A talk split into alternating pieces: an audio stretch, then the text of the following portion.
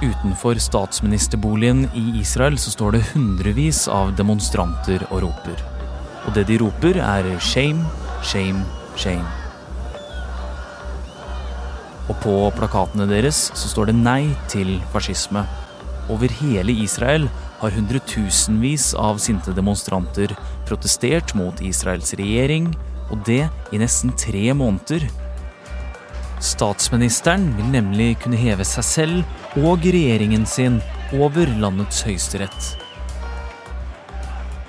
Er dette slutten på Midtøstens eneste demokrati? Du hører på Forklart.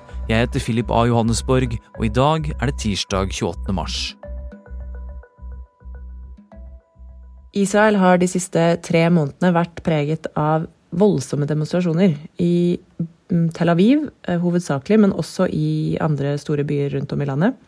Disse menneskene er veldig sinte og frustrerte over eh, en planlagt rettsreform som regjeringen i Israel vil banke gjennom. Men det er kanskje spesielt én mann de er aller mest sinte på, og det er statsminister Benjamin Netanyahu. Hanne Christiansen, Midtøsten-korrespondent her i Aftenposten. Hvem er Benjamin Netanyahu? Benjamin Netanyahu er et av de aller mest kjente og kanskje mest omstridte fjesene i israelsk politikk.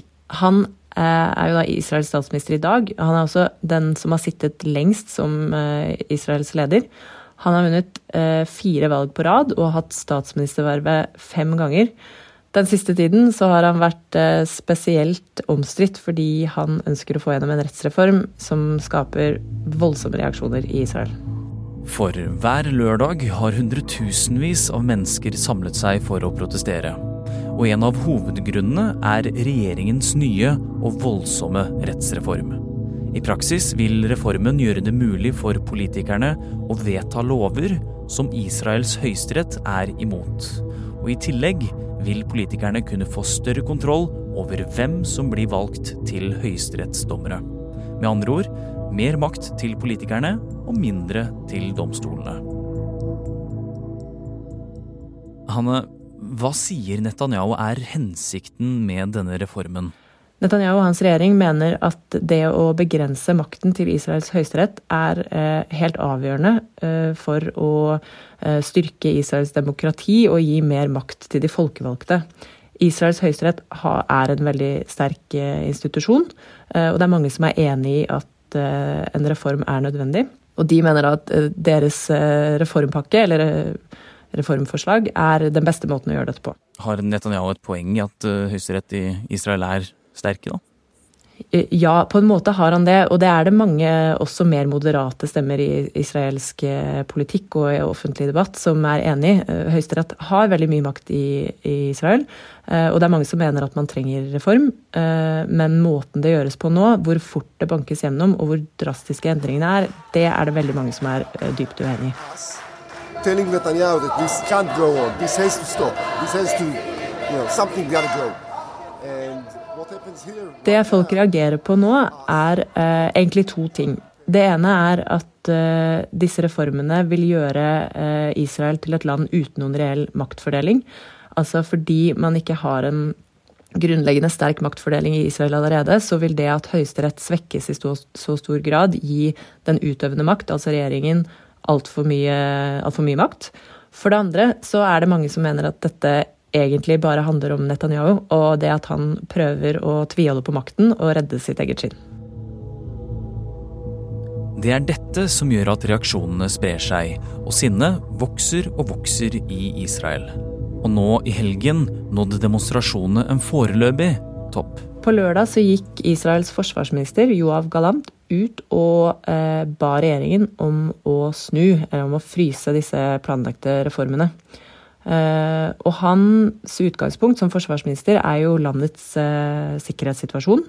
Han uh, mener at nå er det så stor konflikt og så dyp splittelse rundt disse reformene at det rett og slett utgjør en trussel mot Israels sikkerhet. Bl.a. fordi det er veldig stor konflikt innad i det israelske militæret.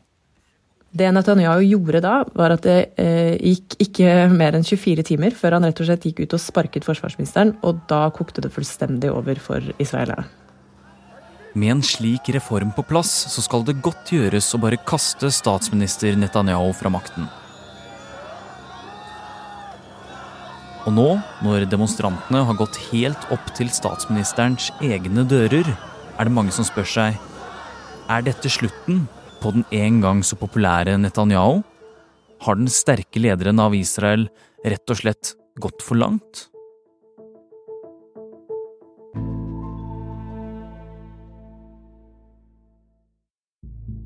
I desember 2022 så blir Benjamin Netanyahu gjenvalgt som Israels statsminister for fjerde gang. The country's former Prime Minister Benjamin Netanyahu has told supporters in Jerusalem he's on the brink of a big victory. And it appears that Benjamin Netanyahu is poised to make a comeback as Prime Minister. Og det til tross for at han er midt i en etterforskning. Benjamin Netanyahu is still on trial for corruption and fraud. bribery, fraud, and breach of trust, Benjamin Netanyahu hopes for a fifth term.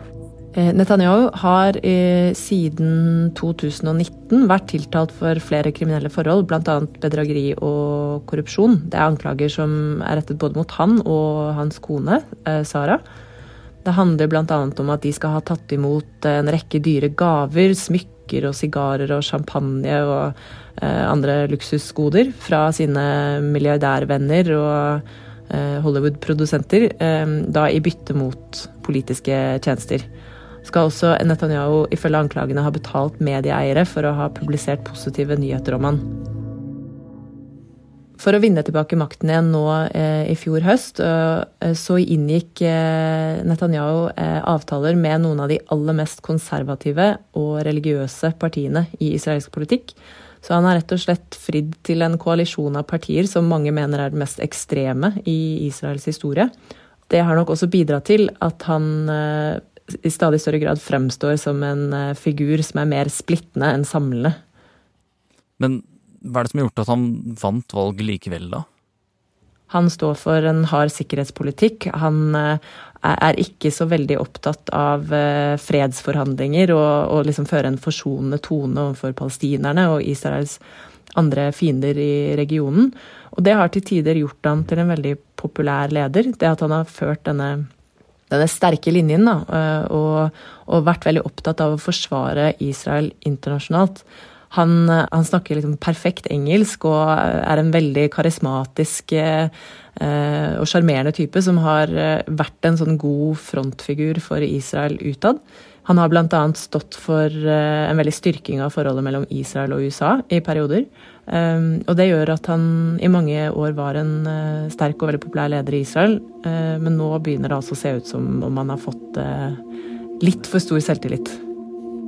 Ja, Hvor alvorlig er disse demonstrasjonene for Netanyahu nå, da? Det som er veldig interessant, er at dette har jo pågått i snart tolv uker. Det har vært en helt massiv motstand. Det omtales som en av de verste nasjonale krisene i Israel på mange tiår. Men veldig lenge så har det sett ut til at eh, Netanyahu ikke lar seg rikke. At han har alle intensjoner om å banke gjennom disse reformene, koste hva det koste vil. Eh, og han, ja, han virker nesten som han har oversett denne massive motstanden. Men det som skjedde nå i helgen, eh, viser at demonstrasjonene begynner å true både Netanyahu, men også regjeringsprosjektet hans i ganske stor grad. Nå er det både ledende figurer, altså ministre i regjeringen, som truer med at de går av dersom man velger å fryse eller eh, droppe disse reformene. Og uten støtte fra ministre som Itamar Ben-Gvir, altså sikkerhetsministeren, og forsvarsminister Jariv Levin, som står for eh, disse reformene, så har ikke lenger Netanyahu flertall, og da er det stor sannsynlighet for at regjeringen vil falle. Så akkurat nå så er disse demonstrasjonene en stor trussel mot eh, både statsministeren og hans regjeringsprosjekt. Og en viktig del av demonstrasjonene er ikke bare hvor mange som demonstrerer, men også hvem. For blant israelske flagg og plakater så står det nå flere reservister fra det israelske militæret. Grunnen til at det er så viktig, er at eh, altså i Israel så er jo hæren en ekstremt viktig institusjon. Mye av Israels eh, militære styrke ligger i at de har nesten en halv million mennesker, altså reservister, som kan stille på inntil 24 timers varsel. Og det at de ikke bare slutter seg sånn ideologisk sett til disse demonstrasjonene, men faktisk går ut og sier at de vil vurdere å nekte å stille opp på trening, eller å rett og slett eh, nekte ordre dersom det plutselig skulle oppstå eh, Bryte ut full konflikt igjen. Det, det er en direkte trussel mot Israels nasjonale sikkerhet, skal vi tro folk som forsvarsministeren og, og andre ledende figurer i i, i den israelske hæren. Så det har ikke bare veldig stor symbolsk betydning, men det har direkte betydning for uh, Israels militære kapasitet. Um, Hanne, hva skjer nå, da? Nå har Netanyahu sagt at han vil sette denne omstridte rettsreformen på vent. Så nå blir det store spørsmålet hva regjeringspartnerne hans vil gjøre. Flere ministre har sagt at dersom det skjer, så vil vi gå av. Da vil vi ikke være med i denne regjeringen lenger. Eh, og da står jo Netanyahus regjeringsprosjekt i fare for å kollapse fullstendig. Og så blir det jo spørsmål om hva som skjer med Netanyahu personlig dersom eh, regjeringen kollapser. Han har jo som sagt disse korrupsjonssakene mot seg og vil nok gjøre hva som helst for å holde på makten. Så hva som skjer de neste timene og dagene nå, om eh, regjeringen holder sammen eller om den rakner pga. denne rettsreformen, det blir veldig spennende å følge med på. Og etter en del dramatikk på bakrommet, så ser det nå ut til at Netanyahu er i ferd med å snu. Og at rettsreformen blir satt på vent. For de hundretusener av israelere som har vært ute i gatene og demonstrert nå i snart eh, tolv uker, så handler jo dette om hva slags land Israel skal være. Om Israel skal fortsette å være et land der man har grunnleggende rettigheter som ytringsfrihet og LHBT-folk kan eh, leve i, i fred. Eh, eller vil Israel bli et land som i all hovedsak er styrt av religiøse og konservative krefter? For mange så handler dette om hvorvidt Midtøstens eneste demokrati vil overleve eller rakne fullstendig.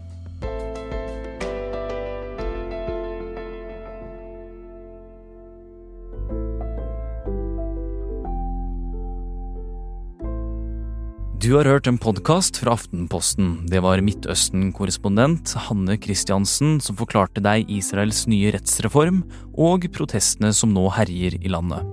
Du har hørt lyd fra nyhetsbyrået AP, BBC, CNN, CBS og Sky News. Denne episoden er laget av produsent Jenny Føland, Olav Eggesvik og meg, Philip A. Johannesborg. Resten av Forklart er Trond Odin Johansen, Synne Søhol og Anders Weberg.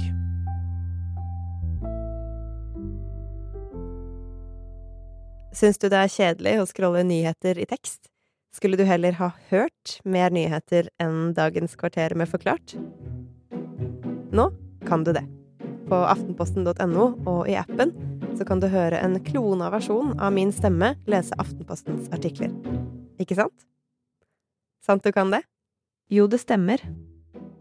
Mens du går tur, vasker huset eller kommer deg til jobb, leser jeg de nyhetene du vil høre. Avspillingsknappen finner du inne i artiklene på Aftenposten.